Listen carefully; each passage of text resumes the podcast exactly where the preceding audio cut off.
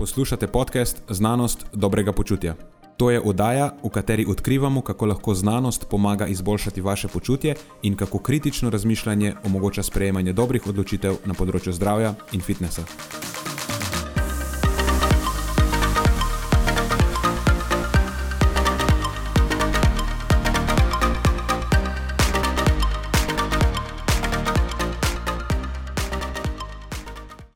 Pozdravljeni, z vami smo Nenad in moj sovoditelj Matjaš. V tokratni epizodi so glavne na sporedu teme o Ljubljanskem maratonu in prehranskih strategijah pred podobnimi vzdržljivostnimi izkušnjami. Ponovno se pogovarjava o insektih v prehrani, potem povzameva pregledni članek Ostojiča in Forbesa, ki je predstavil hipotezo o kreatinu kot pogojno esencialnem hranilu, Druga glavna tema je vpliv kanabinoidov na športni rezultat in regeneracijo po treningu. Čisto na koncu pa se posvetiva še povzetku analize ameriške javno-zdravstvene raziskave Time Use Survey, ki se je ukvarjala s povezavo tajminga hranjenja z indeksom telesne mase.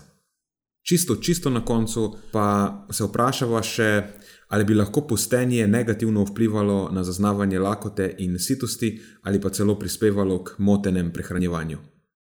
Preden začnemo, pa se moram zahvaliti še našim sponzorjem. Zaenkrat to še vedno ni velika korporacija, temveč zvesti poslušalci, ki nam izkazujete zaupanje in podporo s prijavo v našo člansko skupino Znanost dobrega počutja. Hvala vsem, ki s tem držite luči prižgane in omogočate podkastu, da raste in postaja še bolj kakovosten. Hvala tudi vsem, ki nas podpirate s pozitivnimi komentarji in visokimi ocenami, ter s tem, da priporočate podcast svojim znancem in prijateljem. Zdaj pa je končno čas za začetek epizode. Uživajte ob poslušanju.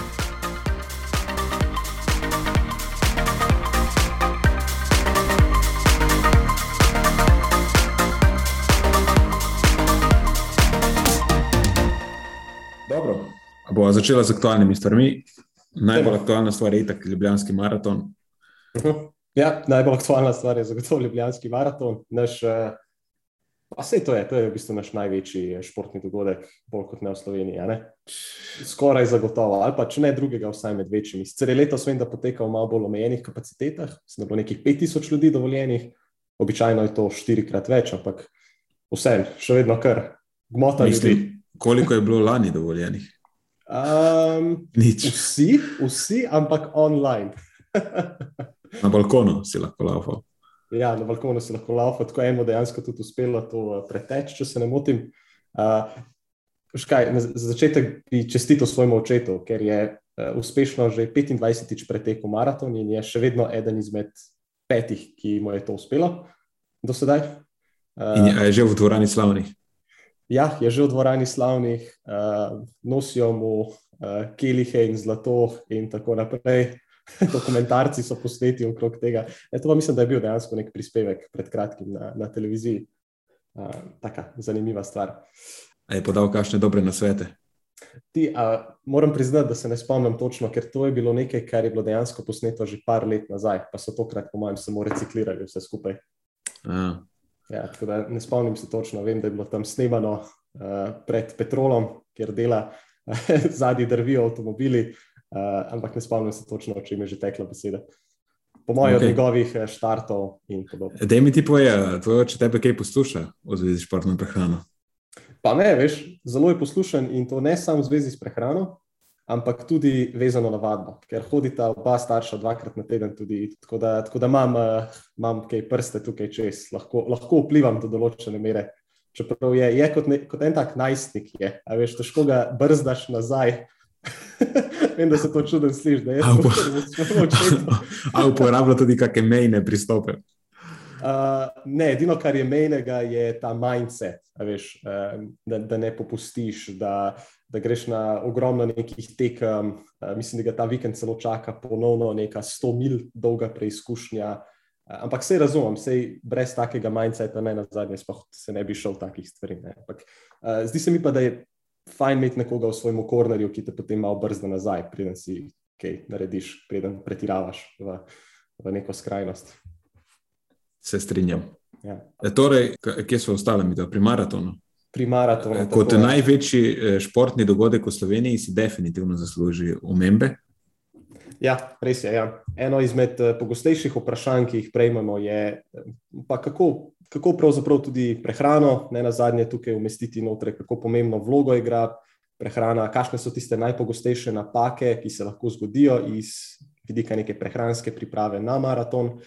Um, pa bi naštel nekaj takih ključnih točk, ne nujno po nekem vrstnem redu, kar se tiče lestvice prioritet. Uh, ampak mogoče lahko to izpostavimo, da zdaj, zdaj, če gre nekdo tekmovati, ja, bolj kot ne samo za gušt, pa za druženje, potem mogoče postanejo te stvari nekoliko manj prioritetne. Uh, če si pa gre dejansko za rezultat, uh, ali pa vsaj priti najhitreje do cilja po svojih zmožnostih, potem pa mislim, da te točke postanejo vse bolj pomembne. Sam, a nismo zdaj že malo tem? Mislim, mogoče. After mogoče, the fact. Maraton je mimo. Ja, ampak eh, mo mogoče si, si pa predstavljam, da bi mogoče nekdo, ki se je letos udeležil tega, pa je končno videl, da okay, ene stvari štimajo, druge ne. Kaj bi lahko naslednjič izboljšal? Pa ne na zadnje, Slovenci smo kar precej znani po teh tekaških preizkušnjah, malo se bližajo nove. Lahko so to neke stvari, ki jih potem vzamete za, za naslednjič, ne? za, za razmisliti. Plus, da so to ene strategije, ki tako ali tako, tudi če bi jih obravnavala en teden nazaj, jih večinoma ne bi priporočal. Zato, ker to so stvari, ki jih morate preizkusiti že prej, veš, v času nekega trenažnega procesa, ne pa glih eksperimentirati s tem zadnji trenutek pred tekmo ali pa boh ne da je na dan same tekme. Klik zgodi se točno to. Ne?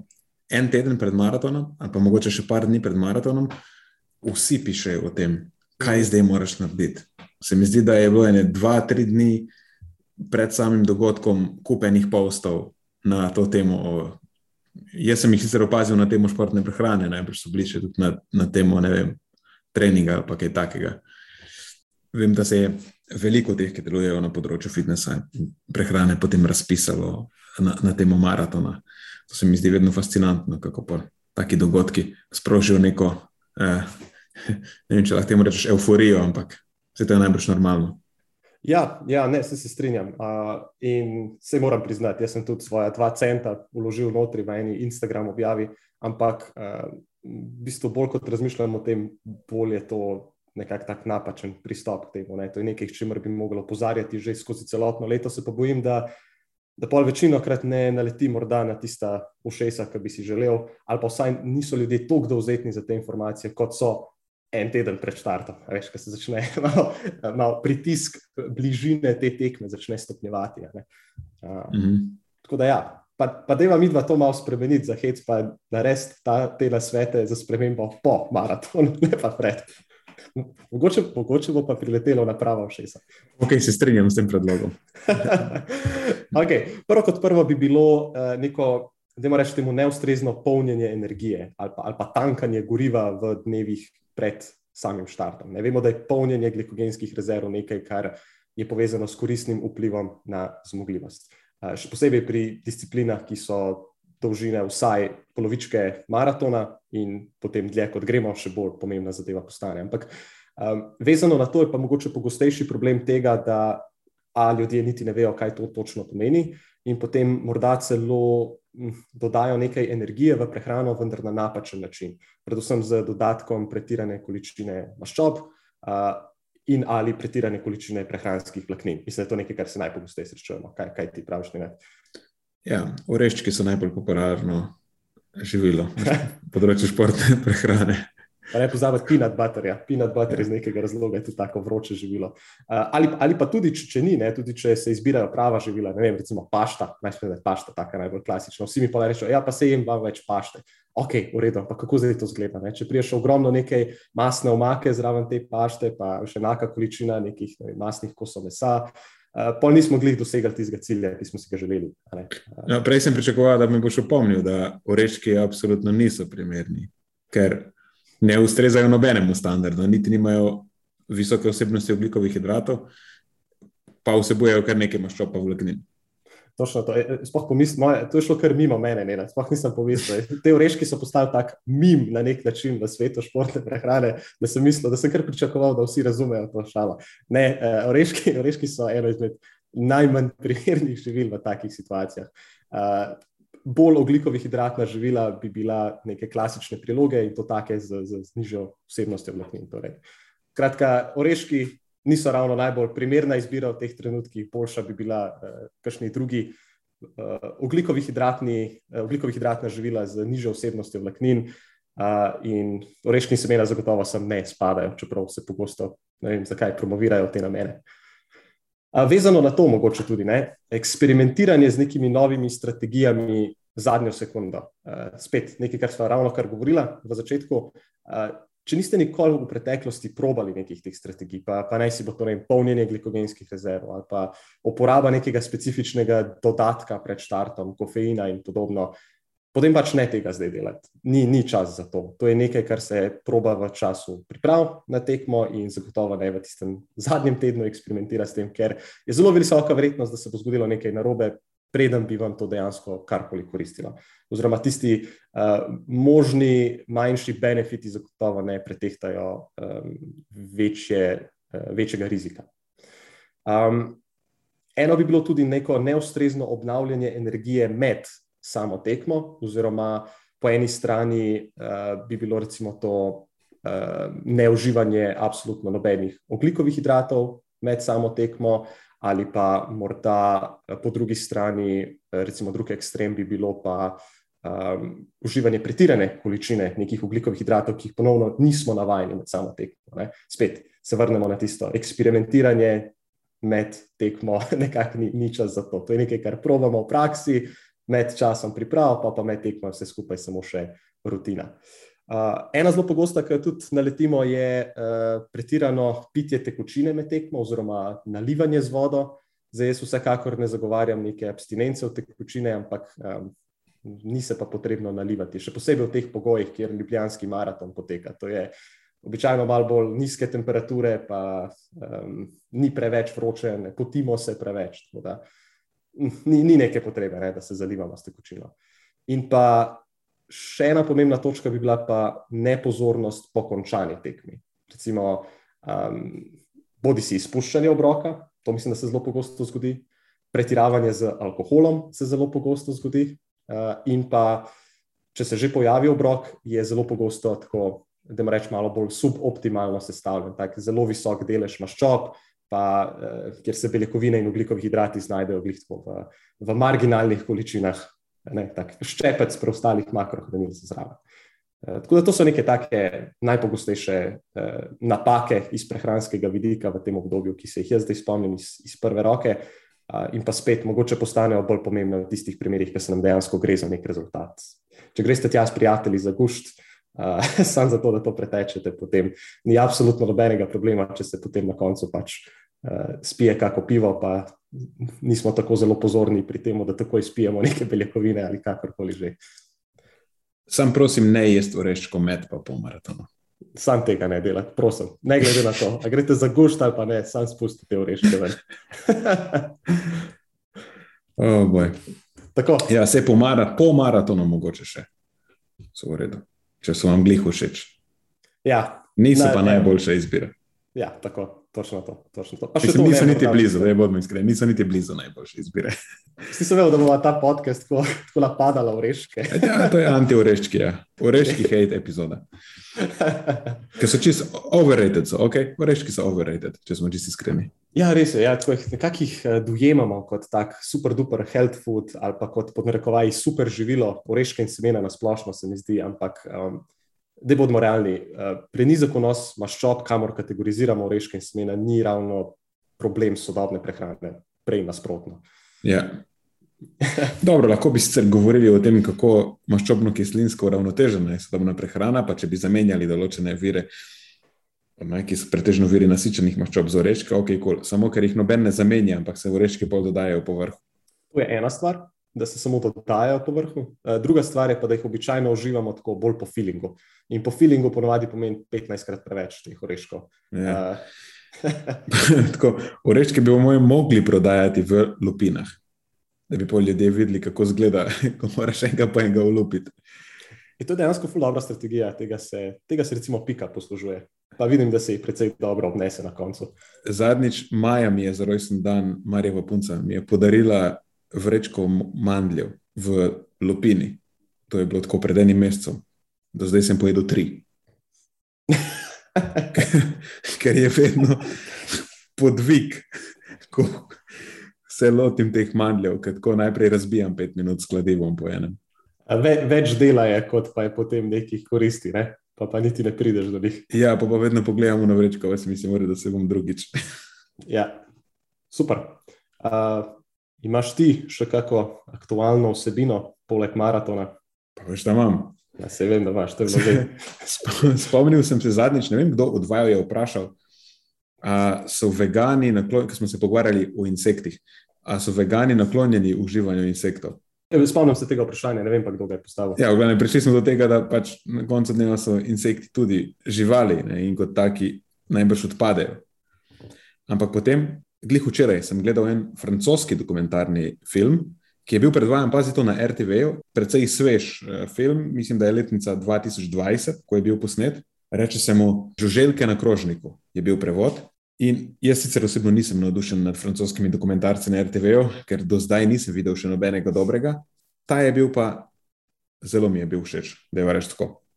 E, pokril je glavne vidike, glavne prednosti uvedbe insektov v prehrano, pa zvedel sem še par novih stvari, tudi, ki se navezujejo na, niti ne nujno na samo na človeško prehrano, ampak na eh, tako, recimo, stvari, ki so usporedne človeške prehrane ali pa ki so malo tako tangentne človeške prehrane. Recimo, kako zadnjič vem, da smo omenjali tisto uh, Black Soldier Fly ali karkoli je, ker sem jaz rekel, da poseduje močne prebavne encime in lahko ves vso hrano, ki jo sicer zavržemo, bi lahko nahranili te ličinke teh moh in bi jih služile v prehrani. V bistvu so te ličinke zelo, zelo dobra krma, ne samo za živino, ampak tudi za ribe, recimo, tako da bi se potem lahko odpadna hrana uporabila za hrano tem žuželkam, in te žuželke so odlična krma tako za ribe, kot za živino. Tako da nek, na nek način se sklene krok, ker tako zadeve v naravi potekajo. V bistvu je nek odpad tam, neke stvari, recimo, gnijejo v naravi, in potem jih ličinke, pa insekti na splošno pojejo, in potem večje živali jejo te insekte. Ker zdaj, recimo, se za, za vzgajanje rib v teh ribogojnicah uporablja ribja moka niti ni druge boljše alternative. Prednost bi bila, če bi se lahko insekti uvedli za to. V glavnem, aha, še en zanimiv aspekt je bil ta, da so se dotaknili na koncu tudi tega, ali insekti čutijo bolečino in kako bomo zdaj mi moralno odreagirali na to, kako se bomo obnašali do teh insektov, kako jih bomo usmrtili. Uh, ne, ker v teh tradicionalnih kuhinjah, kjer se insekti uporabljajo za hrano, se jih ponavadi, kot mi jastoge kuhamo. Direkt v krop se jih vrže ali pa direkt olje in je to tam je bil en entomolog, ki je rekel, da je to precej neetičen način usmrtitve.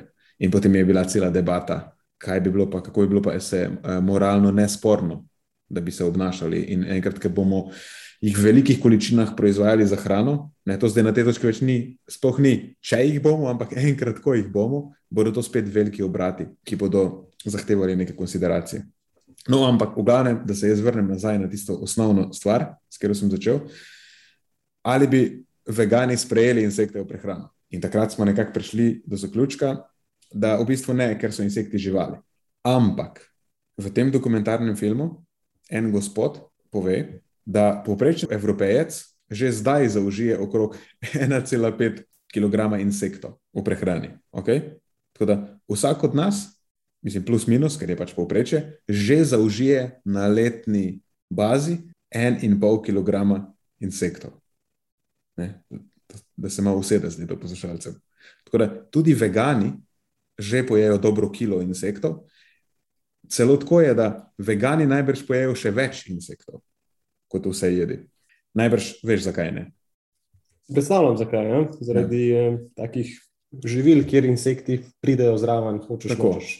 V bistvu normalna živila, kot so žita, stročnice, zelenjava, sadje, hmelj, vidiš, to nisem videl, hmelj, vsebujejo dele insektov, fragmente insektov, to so lahko glave, trupe, noge ali pa celo cele, cele insekte.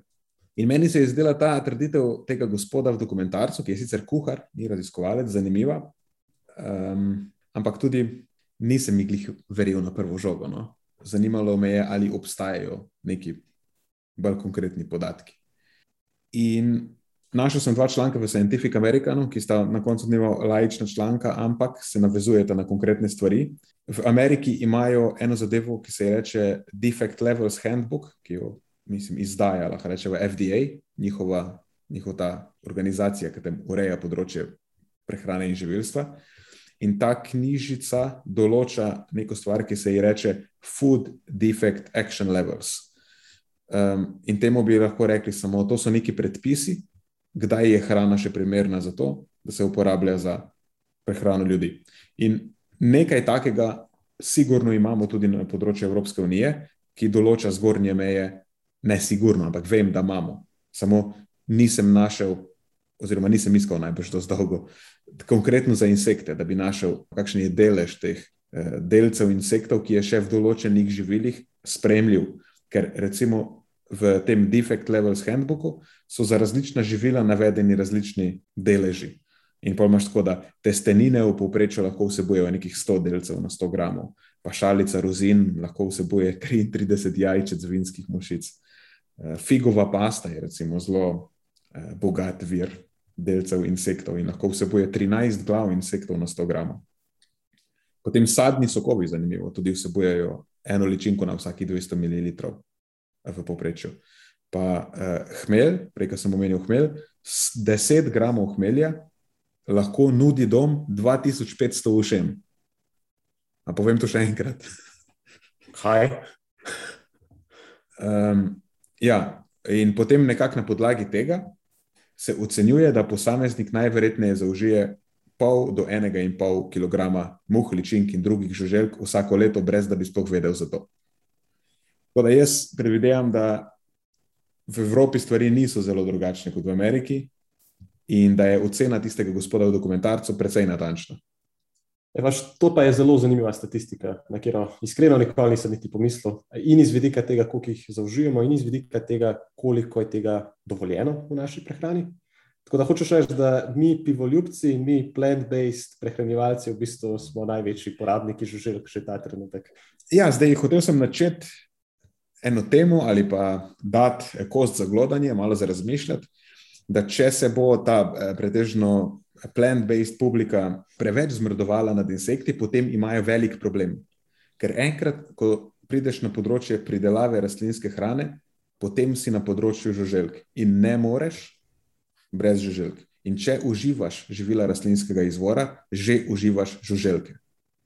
Neizogibno je. Uh mhm. -huh. Tako da zdaj me res zanima, kakšen je potem nek racionalen argument proti temu, da ne ješ žuželk. Ja, zanimivo vprašanje. Meni se poraja se mi spet tista tema, ki smo jo takrat odprli, uh, mi trije skupaj z Marijo, ko smo se pogovarjali na splošno. O, uh, mislim, da je bil naslov militantni vegani. Zakaj nas militantni vegani ne marajo? Ja. Uh, in mislim, da sem izpostavil eno točko, da, um, da je po pogovoru z vama. Um, v bistvu prideš, mislim, ne samo po pogovoru z vama, ne, po, po, po, po pregledu vseh dejstev, prideš nekako do te točke, da, da, da vsa hrana, ki je pred teboj, vse, kar zaužiješ, pač terja neko. Neko žrtev. In evo, žuželke so recimo ena taka, ki so že med njimi, so pa potem tukaj, seveda, še, še druge živali. Tako da um, nič, nič ni, uh, kako bi temu rekel, čisto krvno, kar je na našem krožniku, nič ni brez madeža na nek način. Uh, In, in če se bomo nekako želeli prehranjevati še naprej in uh, vzdrževati to vrsto, potem bomo pač mogli izbrati, ki bomo, ki bomo naredili to žrtev.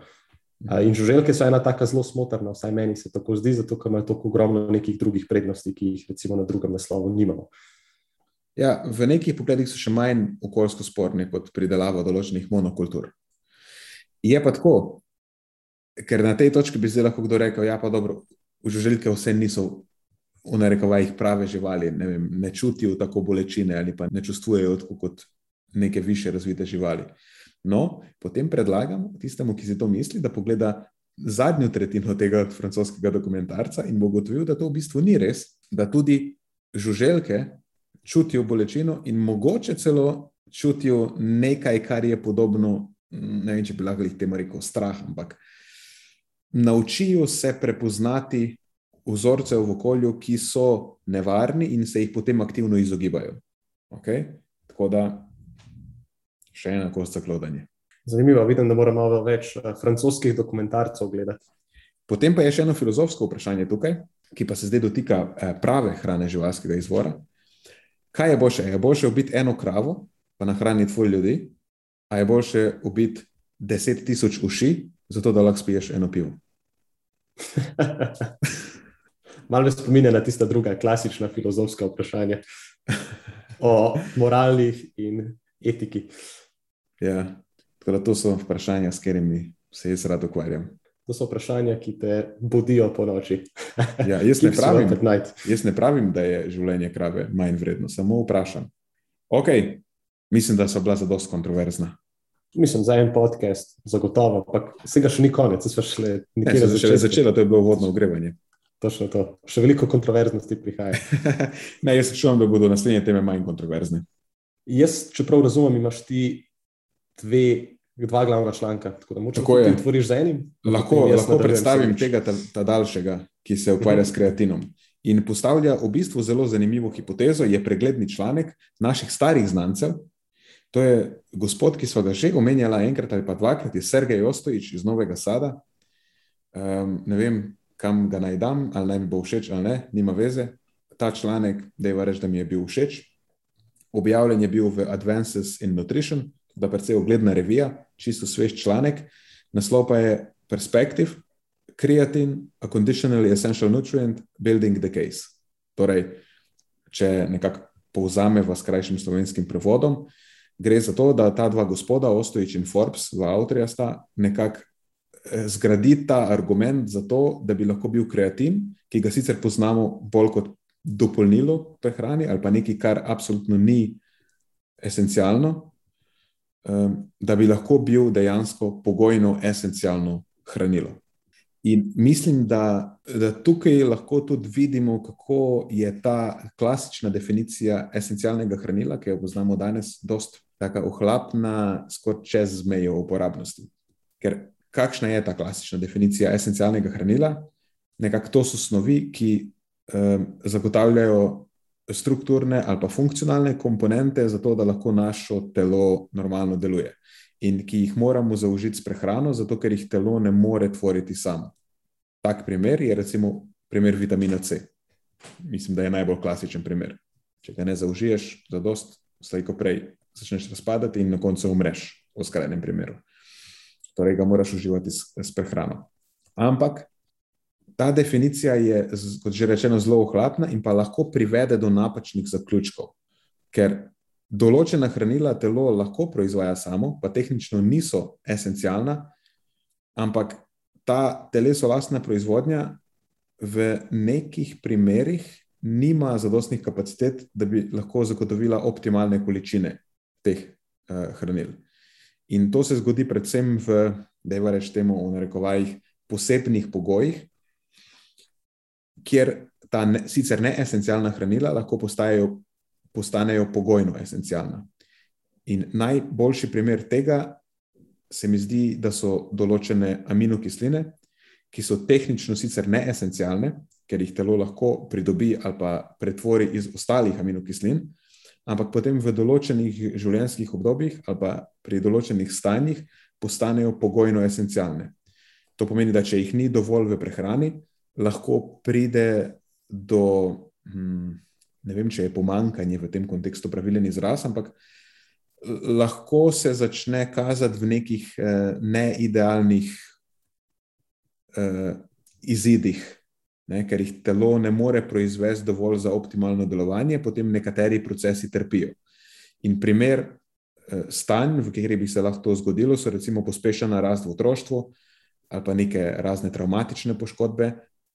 Pogosto se v tem kontekstu menja hujše opekline. Ne, tukaj lahko rečemo, da če ne uspeš s prehrano zagotoviti nekih aminokislin, ki so sicer prej bile neesencialne, bo tvoje okrevanje po tej poškodbi slabše. In ne, na tej točki postane zadeva pogojno esencialna zate. Še posebno, če te zanima čim, boljši, ne vem, čim boljša prognoza, recimo v tem primeru, eh, huj, hujše opekline. Eh, Je pa tako, da tudi pri določenih bolezenskih stanjih, pri katerih eh, prihaja do povečanega katabolizma, je lahko zadeva zelo podobna. In kot že omenjeno, tudi v otroštvu. In zdaj obstaja verjetnost, da dva gospoda zgradita ta primer, nekako postavita hipotezo, da, je, da bi lahko bil tudi kreatin pogojno esencialen. ne? v smislu, da ga telo sicer lahko sintetizira samo, ampak morda ne dovolj, da bi bil potem nek nižji ali pa eh, prenizek vnos kreatina skozi prehrano združljiv z optimalno dolgoživostjo. Pomeni, da ti, če ne uživaš eh, kreatina s prehrano, tvoje telo sicer sintetizira tisto neko minimalno količino, ne boš opazil tega zelo očitno, vseeno pa na nek dolgi rok eh, lahko pride do, američani bi temu rekli, attrition. Počasno zadeva razpada, in potem na koncu ti mogoče odreže par eh, let življenja, ali pa mogoče tvoje končna leta začnejo izgubljati na kakovosti. In to ni nekaj, kar mogoče sploh direktno, zelo direktno opaziš eh, sam pri sebi ali pa na posamezniku, ali pa mogoče celo na nekem manjšem vzorcu ljudi. Um, Mi dva smo o kreatinu že govorila, se mi zdi, na teh epizodah večkrat. Absolutno, mislim, da smo eno epizodo celo namenili specifično kreatinu, celo epizodo. Um, zdaj pa vse. Ampak recimo, recimo ja. da imamo neke nove poslušalce, um, lahko zelo na hitro rečemo, kaj to kreatin je. Uh -huh.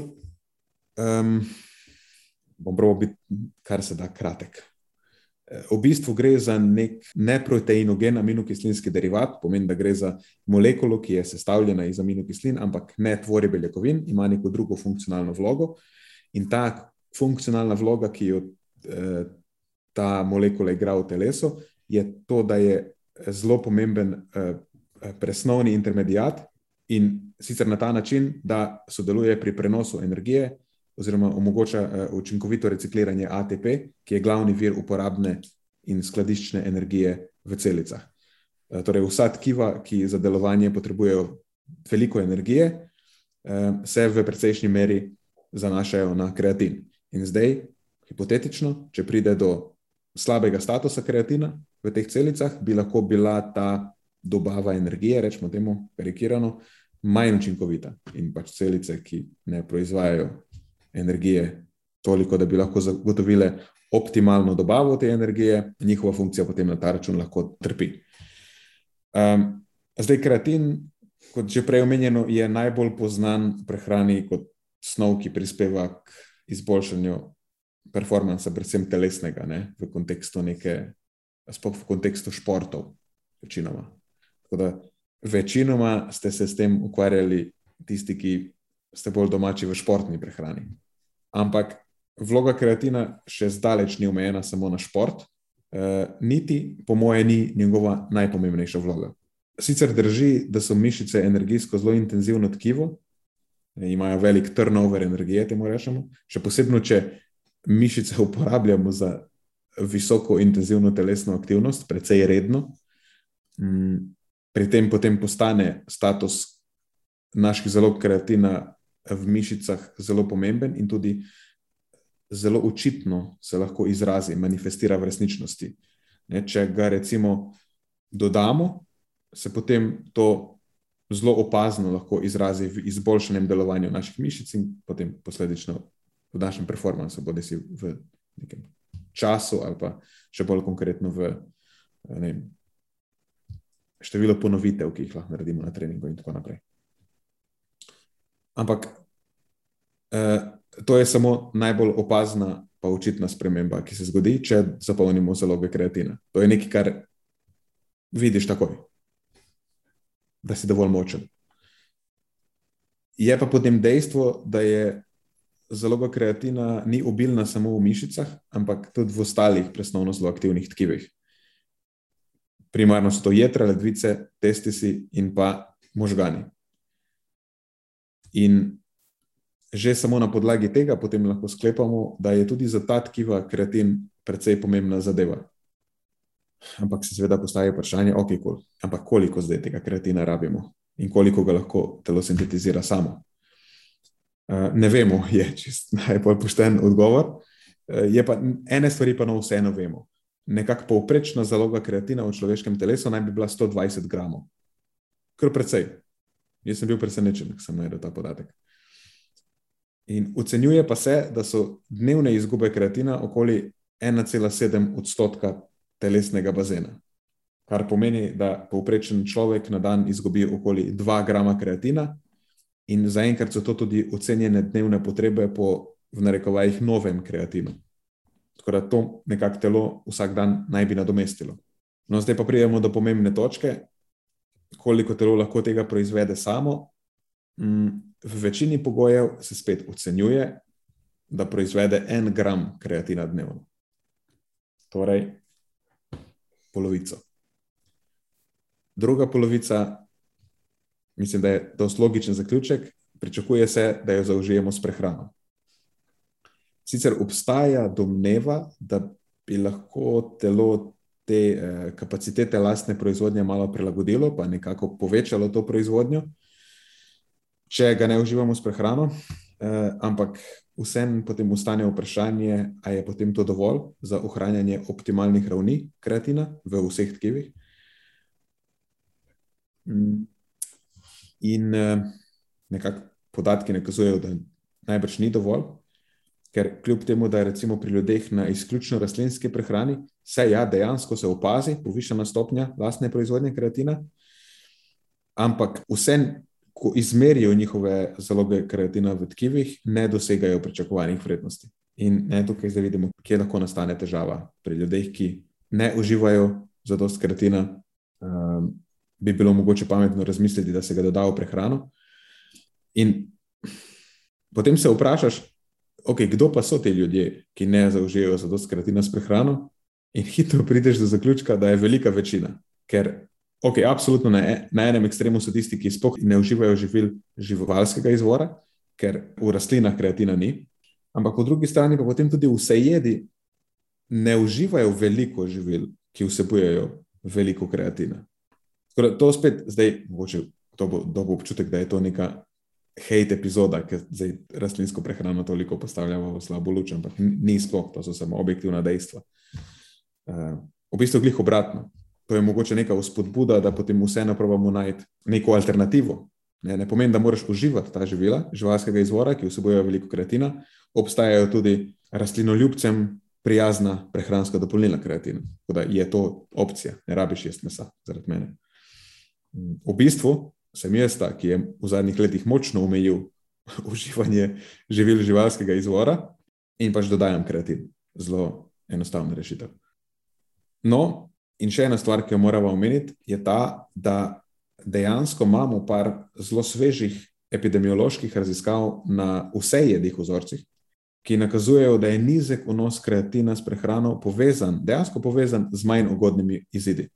Pri ljudeh, ki so zaužili manj kreatina s prehrano, v primerjavi s tistimi, ki so zaužili več, pri tistih, ki so zaužili manj, se torej pojavi povišeno tveganje za depresijo pri odraslih, poslabšanje kognitivne sposobnosti pri starostnikih, in pa pri otrocih in adolescentih nižja uh, rast, oziroma uh, stunted growth je izraz. In nekako taki rezultati niti niso zelo presenetljivi, če vemo, da ena status kreatina v možganih je ključen dejavnik delovanja možganov, ne, torej depresija, pa poslabšanje kognitivne sposobnosti, in pa da tudi mišice in skelet so energijsko intenzivna tkiva, in najbrž je njihova rast in razvoj odvisna od dobrega statusa. Meni sta ta dva gospoda, zdi se mi, da sta postavila zelo uh, smiselno hipotezo, ki bo sicer rabila še nekaj preverbe, ker pač ja, mislim, zaenkrat je ta zadeva še zelo hipotetična. Mm, niti ne vemo, kakšne so dejansko telesne kapacitete proizvodnje kreatina ne vemo, kako se potrebe spreminjajo, glede na, na našo prehrano, spol, starost, zdravstveno stanje, v končni fazi tudi genetiko. Ne vemo, kako hudo ali pa na kakšen način vse se pomankanje lahko izrazi. Tako da še enkrat, ta stvar je zelo hipotetična. Ampak, gledaj, prenizek vnos kreatina bi lahko bil možen dejavnik tveganja, in se mi zdi, da je stvar vredna resne konsideracije, eh, še posebej pri ljudeh, kjer obstaja večja verjetnost da bi do nečesa, kar je podobno pomanjkanju, prišlo. Uh, tako da, recimo, če postaviva neko priporočilo, najno priporočilo, ali pa lahko rečeš moje, če se nočeš asociirati z njim, ki je sicer zaenkrat zelo, zelo hipotetično, ampak da če imaš cilj maksimizirati svojo dolgoživost, pa optimizirati delovanje možganov, da je smiselno poskrbeti za vnos vsaj 2 grama kreatina na dan, toliko so nekako ocenjene povprečne dnevne izgube. In recimo, če, biš, ne, če želiš biti tako on the safe side, potem zagotoviš celo dozo, ne samo polovično, pač ne zanašaš se na telesu lastno proizvodnjo, ampak pač daš celo dozo noter. E plus obstaja še ena konsideracija, da zadostna zaloga kreatina morda ne pomeni optimalne zaloge. To zelo dobro vidimo pri športnem rezultatu, ker mogoče bomo nekoč ugotovili, da so potem više zaloge, torej nekaj takšnega, ne, kot je naprimer zasičenost zalog, ki jo dosežemo z dodajanjem okoli 5 gramov, to, kar delamo pri športnikih, takrat se pri njih izrazi maksimalen učinek, ne, da bi lahko imel pač tak vnos na dan, še nek dodaten zaščiten učinek na zdravje, počutje in dolgoživost. Tako da, glede na to, da vemo, da je kreatin dokazano zelo varno dopolnilo za zdrave osebe, brez drugih zdravstvenih težav, pač ne vidim razloga, zakaj ga spet nek zdrav posameznik ne bi vključil v prehrano eh, v obliki, v obliki prehranskega dopolnila. Tako je najlažje. Sploh ne, ne rabijo govoriti o tem, koliko ga je v mesu, koliko ga je v ribah. Noč od tega ne rabiš jesti. Sam 5 gramov enega zelo, zelo, zelo poceni praška rabiš. Nenad, mislim, da tleh nisi povedal nič kontroverznega. Jaz se kar strinjam s tem priporočilom. Jaz bi roko na srce kar ciljal na nekih 3 do 5 gramov na dan dnevno. Pravzaprav za vse, tako kot si rekel, sicer zdrave posameznike in še posebej za tiste, ki um, morda slonijo bolj na tem plant-based sferi. Ampak mm. načeloma za vse, tako kot si rekel. Uh, Drugače mi pa zdi to precej uh, zanimiva hipoteza, ki je bila izpostavljena. Pa se mi zdi, da je vsaj v zadnjih letih, da sem zelo pogosto zasledil še pri enem precej prominentnem raziskovalcu na tem dotičnem področju, oziroma na, med drugim tudi na področju lajšanja ali pa strategij lajšanja opada teh nekih fizičnih zmogljivosti s staranjem. To je pa ta dr. Stuart Phillips. Se mi zdi, da ima tudi neko uh, podobno miselnost, kar se tega tiče. Um, meni se ta zgodba o kreatinu zdi precej podobna, um, oziroma mogoče dodatno izpostavi to razliko med, uh, med tem, kaj je preprečevanje pomankanja vnosa nekega hranila, pa to, kaj je dejansko uh, podnarekovaj optimalni vnos. Tudi pri beljakovinah ja. vemo, da recimo nekakšna večina populacije uh, tudi staranjem načeloma vsaj tisti minimum doseže, tistih nekih nicelih 8 gramov, kakorkoli že. Ne. Ampak eh, daleč od tega, pa da bi bil to nek eh, pod, pod narekovaj optimalen vnos v smislu eh, vseh koristnih doprinosov višjega vnosa beljakovin. Eh, in še s drugim makrohranilom lahko podobno zgodbo izpeljemo. Ne? Tudi pri oglikovih hidratih je podobna stvar.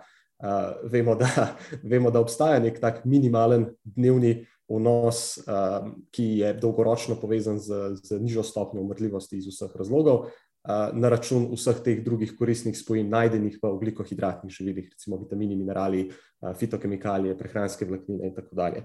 In, in, in kar je mogoče še, še za konec eno tako zanimivo opažanje, ne, um, da, da je kdo največ kreativno uživa. Realno gledano, športniki, zato ker so pač slišali, da bi pač iz nekega športnega konteksta ta stvar lahko bila koristna. In tudi V preteklosti eh, so še eno hranilo uživali posamezniki, ki bi koristila načeloma v višjem vnosu pri vseh, in to so beljakovine v prahu. Najprej zato, ker so pač prodajajo v takih pakungah kot vse, ki, eh, ki bolj tarčno eh, je marketirana športnikom, fitneserjem in podobno. Tako da je zanimivo, da, da smo, smo, bom jaz se kar dal noter v to populacijo, ravno fitneserji in pa recimo športniki po nesreči uživali mogoče višji vnos teh hranil, ki bi bil pa tako čisto na populacijski ravni zelo koristen za vse. Ja. In mislim, da večina ljudi s tem ne bi smela imeti problema, ker sem, če greš pogledati statistike, konkretno za Slovenijo, koliko enih brezveznih dopolnil Slovenci že požerejo, če sem nehajo kupovati te neumnosti in si raje kupijo kreatinke, tako petkrat cenejši od večine bedarij, ki jih kupujejo, bo to absolutno boljše za njihovo zdravje. Pa ne samo cenejši, ampak tudi po vsej verjetnosti, ali pa v večini primerov, ali pa zelo pogosto, vsaj tudi bolj varna alternativa. Zato, ker uh, že po eni strani megodoziranje z nekimi vitamini in minerali, to je lahko škodljivo, uh, da ne omenjamo kakih drugih, tako malo obmejnih dopolnil. Mimo grede, mimo grede, zdaj, ki si omenil nevarna, ja, B vitamini so en tak primer, oziroma pač vitamine B kompleksa, ki se ponavadi v teh dopolnilnih mega dozirani. To so tako 30-kratne doze, dnevne priporočene doze. In no, prejšnji ali pa predprejšnji teden sem bral uh, članek, v katerem ugotavljajo, da je, mislim, da je bil B6, da je previsok vnos B6, kljub temu, da je zadeva v vodi topna in ne, se više kao izloča, se mi tja, povezana z negativnimi izidi na področju kognitivnega zdravja. Mhm. Nekako namigujejo pol na to, da bi lahko bila v megadozah neurotoksična. Tako da, če kupujete tisti ZMA, pri, uh, priljubljen prehranski dodatek, eh, raje ne. Tam je dodan B6, med drugim, ja. če se ne motim, poleg nekih B kompleksov. Ali pa nek nor B kompleks, ki je tako super, tako. duper, B ekstra. Ja. In polobrneš embalažo, in je, vem, 3000 odstotkov dnevne priporočene doze. Ja, ja točno to. E, pa če smo že pri tem, um, to si tudi zelo dobro izpostavil. E, ne bi jaz ravno računal preveč na te stvari v smislu, da uh, ja, so ti vitamini topni v vodah, ne bojo problem. Uh, očitno bi znali biti problem že na naslovu B kompleksa. Vemo, da tudi vitamin C, pa čeprav je v vodi topen, uh, previsoke koncentracije tudi lahko škodujejo napredku. Tako da um, tu, tu ni neka taka varnostna uh, ali pa neprebojna varnostna mreža v tem stilu. No. Ne, ne se igrati s tem. Ja, v prehrani ni nikoli več boljše. Obstajajo optimalni vnosi in vse, kar je Eh, bistveno čez to mejo, tudi na drugi strani, ne samo ne, to, da je premalo, ampak tudi vse, kar je bistveno preveč, je načeloma povezano, vsaj če ne s tem, da nima nobenega učinka, veliko krat tudi s tem, da ima neugoden učinek. Ja, res je. Super. A jaz prevzamem naslednjo temo, osrednji del tega sendviča. Tako je. Okay. Okay, odlično. Uh, jaz bi se pa pogovarjal danes malo o marihuani. Odlično. Veš kaj, se mi zdi, da naj podcast ni bil še dovolj kontroverzen do te točke, če pač ne omenimo trave, nismo prišli dovolj daleč. Uh, mislim, da poslušalci že vejo uh, pogled ali pa stališče tega podcasta do uporabe marihuane pri športnikih, oziroma bolje rečeno, uh, smotrnosti, prepovedanosti teh izdelkov.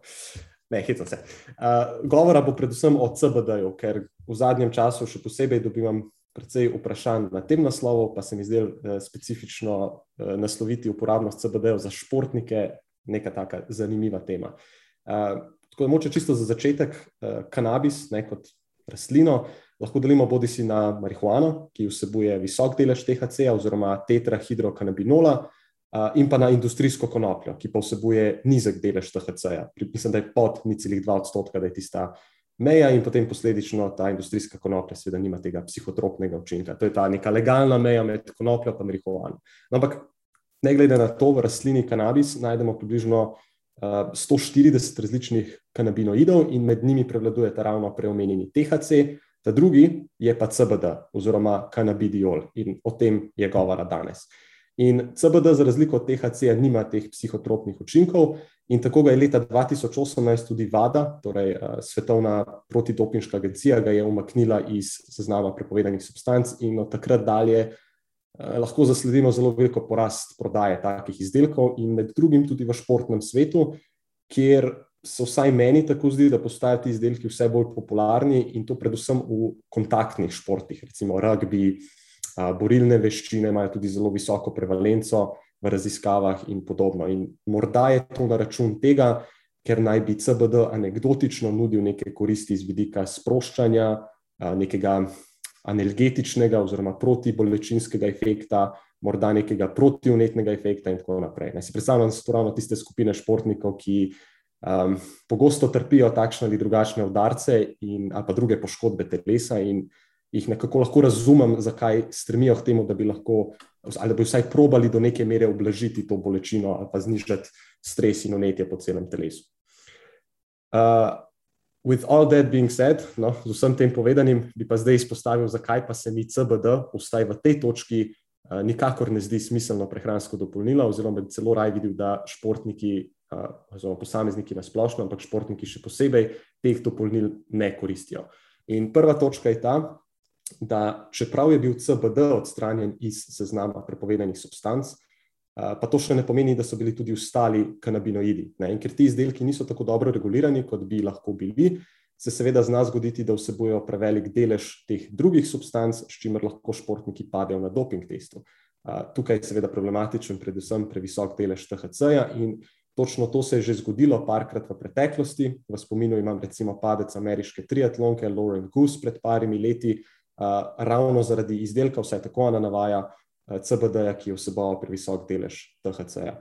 In recimo nedavno raziskava Gurlja in sodelavcev navaja, da je zgolj 15 odstotkov od 25 testiranih komercialno dostopnih CBD izdelkov vsebovalo manj kot nič celih 3 odstotka THC-ja, kot je dovoljeno v kontekstu paca na doping testu. Tako da, tako, če ne taki mal, uh, koz za gloda, da je tako reči, kot si jo ti ti dejo prej, da se malo razmisli, preden se nekaj kupi tako naslepo. No, in vezano na to, prav tako obstaja možnost dolgoročne akumulacije prepovedanih kanabinoidov v maščobnem tkivu, ker se pač topijo v maščobah, ob, ob dalj časa trajajočem uživanju takih izdelkov, in tudi če so to izdelki, ki vsebujejo sestavine po specifikacijah in znotraj legalnih mej. In to je bilo nekaj, kar lahko zasledimo pri, pri ljudeh, ki sicer rekreacijsko uporabljajo take izdelke. Uh, konkretno imam tukaj tudi eno raziskavo od Dalgrina in sodelavcev lanskega leta, ki poroča o tem, kako štiri tedne uživanja CBD izdelka, sicer dovoljeno koncentracijo THC-ja, vodi do akumulacije THC-ja do te mere, da so lahko zasledili v koncentraciji v urinu nad legalno mejo, ker lahko športnik dejansko pade na doping testu, to je 150 nanogramov na mililiter urina, in to je bilo kar na 50 odstotkih vzorca raziskave. Tako da, mogoče še en primer, ne, mislim, še en problem uporabe takih izdelkov, ki mislim, da se ne omenja tako pogosto, pa bi se moral izpostavljati. Naslednja točka bi bila, pa mogoče še najpomembnejša točka, je, da dejansko dalj časa trajočih kvalitetnih raziskav na temo uporabnosti CBD za športne namene ni, pač ne obstajajo.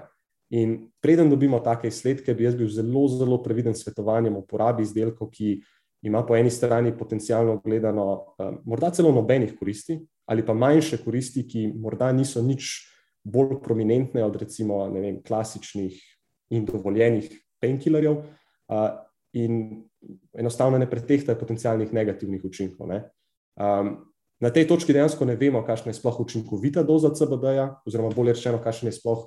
Protokol jemanja CBD-ja, koliko, koliko časa, kdaj, in tako dalje. Nič od tega ne vemo. Vezano na, ta, oziroma vezano na dejstva o pomankljivih dokazih, lahko konkretno naslovimo z, um, z raziskavo Kohreina, Sinmena in sodelavcev, uh, to je od lanskega leta, ki so uh, preverjali učinkovitost dodajanja CBD-ja pri ljudeh na protivnetne markerje. In pri ljudeh niso zasledili v bistvu nobenih konkretnih raziskav, pardon, nobenih konkretnih uh, učinkov.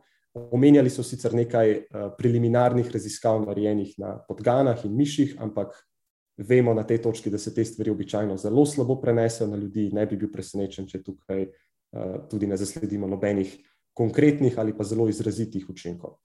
Potem lahko tukaj omenim še eno pregledno raziskavo Makartnja in sodelavcev iz letošnjega leta, ki poroča o mešanih vplivih CBD-ja na kvaliteto spanca pri čemer so pozitivni rezultati morda povezani izključno v tistih primerih, kjer kvaliteta spanca trpi na račun neke povišene subjektivne anksioznosti oziroma nekega subjektivnega dojemanja stresa. Spet ne vemo natančno, zato ker nimamo dovolj podatkov, da bi lahko neka konkretna navodila tukaj izpeljali.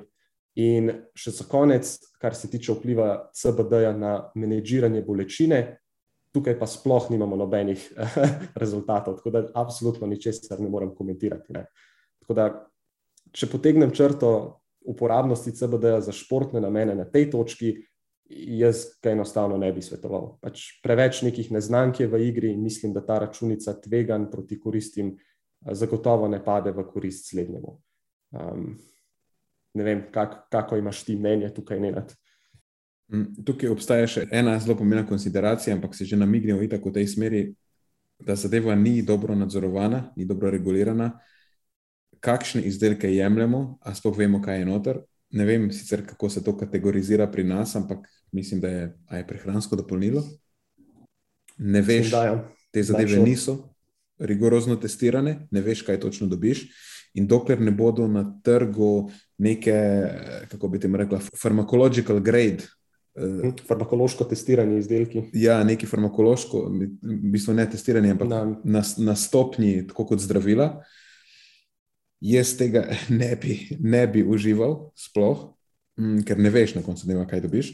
Plus, še ena pomembna konsideracija je, ali se je kdo dejansko vprašal, kaj je z farmakokinetiko teh stvari, koliko tega se dejansko sploh absorbira. Ker, če se prav spomnim, vem, da uporabljajo se, CBD se uporablja za epilepsijo. In tam so res mega doze tega. In točno zaradi, ampak tam je to kot zdravilo, tam je dejansko farmakološke ravni ta zadeva, ker gre za prav za zdravilo. Zaradi poslabšene absorpcije se uporablja megadoza. In jaz močno dvomim, da z nekim komercialno dostopnim CBD oljčkom dobiš megadozo tega. Zelo na hitro, medtem ko si govoril, sem šel izbrskati par člankov in kot kaže, da vem, dobrih 10 odstotkov mogoče je bil dostopnega, in tudi uh, uh, potem se takoj v jedrih metabolizira naprej, tako da je vprašanje, kaj se potem s tem zgodi. Ampak ne bom preveč pometoval, ker nisem specialist za kanabinoide. uh, bi me pa zanimalo, kakšna je pa potem dejansko absorpcija, oziroma kakšna je pa potem dejansko farmakokinetika THC-ja. A je bolj bil razpoložljiv, ker potem imaš problem, če bi bil slučajno. Potem imaš lahko izdelek, ki vsebuje več CBD-ja kot THC-ja, ampak če je en bolj razpoložljiv kot drug, ne, če je glih na neki taki meji, je potem lahko to dosti sporno. Ja, in še toliko bolj sporno za nekoga, ki gre recimo čez redne doping teste. Ja. Toga, dokler ne bom tega videl v obliki zdravila, pa definitivno, dokler ne bom videl nekih zelo konkretnih dokazov, ki kažejo v smeri, da je to kakorkoli koristno, bi jaz rekel, da je to odsvetovano.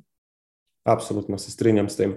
In um, samo še to bi menil, vse ostale neke, um, vsi ostali neki uh, klejmi, ki so okrog CBD-ja, v smislu najrazličnejših pozitivnih vplivov na zdravje, um, tudi tukaj bi se malo, bi, bi malo stopil korak nazaj, ker ni, nismo še tam, da bi karkoli dejansko vedeli. Mislim, vse je v končni fazi recimo, da relativno dobro vemo, kaj je vloga endokanabinoidov v telesu. In pač ne, eksogeni kanabinoidi se vežejo na kanabinoidne receptorje v telesu in modulirajo delovanje na določen način. Po, tako zelo, zelo, zelo karikirano lahko bi rekli, da so kaj ena bremza. V, recimo, ja, da so kaj ena bremza. In tudi pri avtu, ja, se imaš, ne, imaš gas, pa imaš bremzo. Zdaj, tudi bremza ni bio, ali ena, včasih jo rabiš, včasih ne, ni smiselno full pritiskati potem. In tudi ne bo vedno koristna. Če rabiš pospešiti, pol je mogoče ne rabiš tok. Avtomobilska prispodoba, samo to še je še manjkalo danes. Halo, nujno potrebno. Ja, absolutno se strinjam. Ok, a sem jaz na vrsti. Ja, serviraj še zadnji kos kruha na tem sendviču. Ok, zdaj imamo pa um, krono prehrano še na koncu če eno udarno temo. V bistvu bom zelo hiter. Gre za, mm, gre za eno analizo ameriške javno-zdravstvene raziskave, eh, Time Use Service se je reče. In to članek, ki ga imam na meni predstaviti, se je ukvarjal z iskanjem povezave med timingom hranjenja in obdobji spanja in budnosti, pa indeksom telesne mase.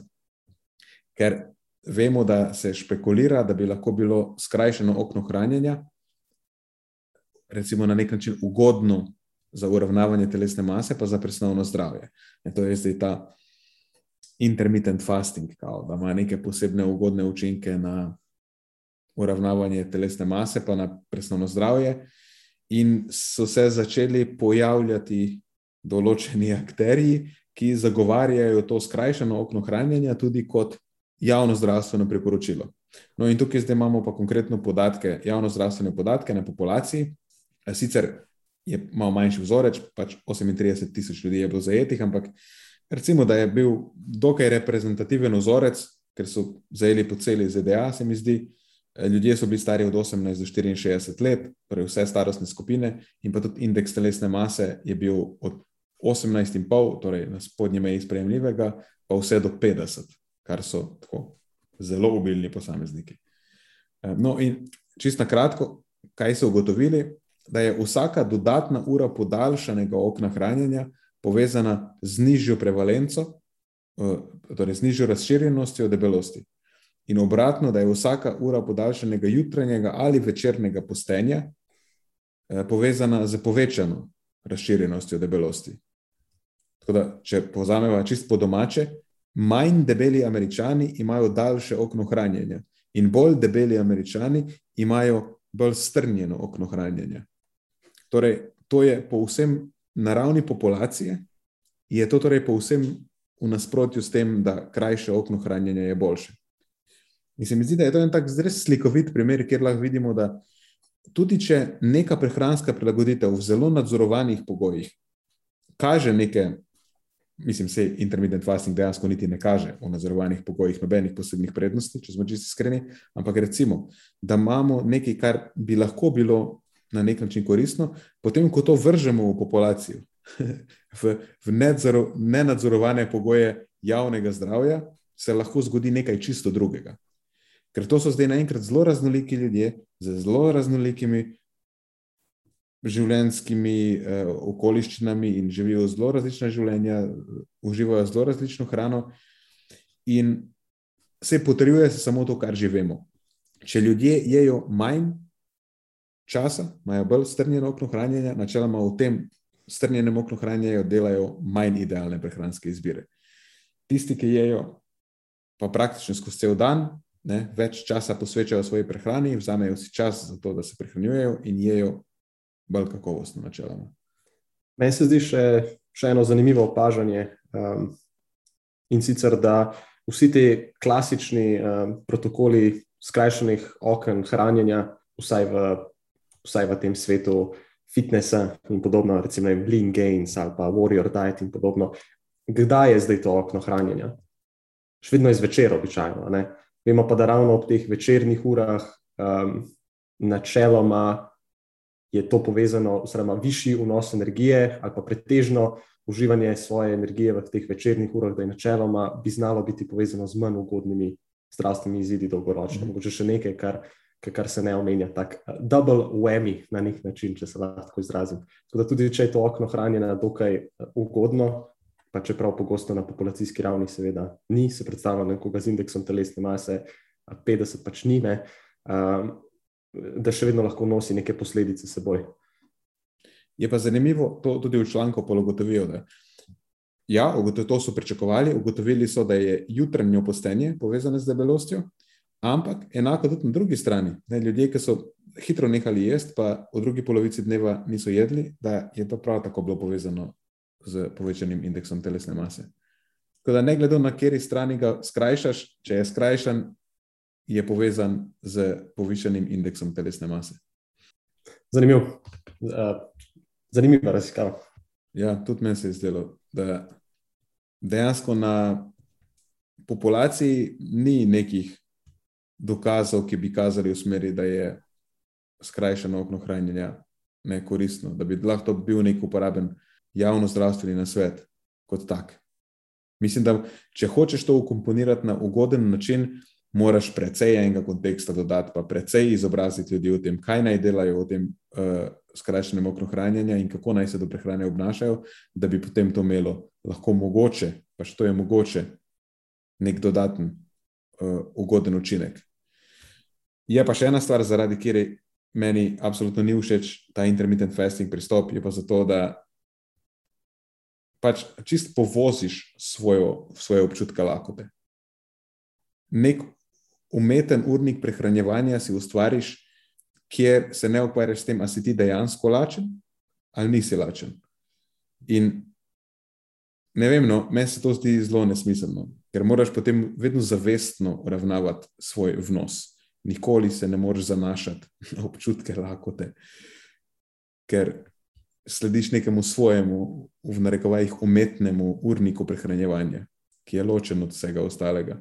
In ponavadi se zgodi, da je ločen tudi od realnih občutkov lakote in sitosti. Tako nekaj, ja. skoraj kot avtocesta, v eno moteno prehranjevanje je. Sem ravno hotel reči, da je morda to tudi eden izmed glavnih razlogov, zakaj je to en stil prehranjevanja, ki, ki je povezan ali pa bi znal biti v večji meri povezan z nekimi motnjami v prehranjevanju, uh, ali pa neka pot, ki vodi do tega dolgoročno. Gledano. Ja, mislim, da je res pospešek v tej smeri. Moš biti zelo pazljiv, če se tega lotevaš, tudi iz tega vidika. Skratka, pohranjene prehranske gimnastike, ki za, za prazen nič v končni ja. fazi. Ja, tako kaže. Mislim, pa se ne samo zato, je pač ena opazovalna raziskava na nekem vzorcu. To ni nič kaj, ampak dejstvo pa je, da zaenkrat nismo videli nič konkretnega, kar bi kazalo na neke omembe, vredne ugodne učinke umestnega postenja, ali kako koli pač hočeš ta intermittent fasting prevesti. Dočim vem, da obstajajo določeni ljudje, ki bi rekli temu umestno stradanje, ampak pustimo to ob strani. V, v glavnem, vemo pa, da obstaja kupenih zadržkov in res ne razumem, zakaj bi nekdo eksperimentiral z pristopom prehrane, ki ima ugotovljenih kupenih zadržkov, pa potencialnih negativnih učinkov. Vse, kar je pa mogoče pozitivno, je pa tako zelo hipotetično, pa nikjer se skoraj ne pokaže. Ni, ni racionalno.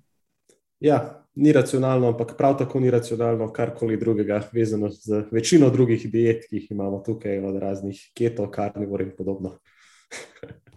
ja. Vse ne, da sem presenečen, samo na glas razmišljam. Ja, ja, sprašuješ se, zakaj. Vržem kost za globanje. Nas je bilo veliko nekih kosti, pometanih, če, če, če potegnemo črto. Ja. Super, sva prišla k koncu te epizode. Tako je. To je za tokrat vse iz naše strani. Hvala, ker ste poslušali do konca. Delite epizodo s svojimi znanci in prijatelji in jo priporočajte dalje, saj s tem omogočite, da sporočilo znanost dobrega počutja doseže čim večjo množico.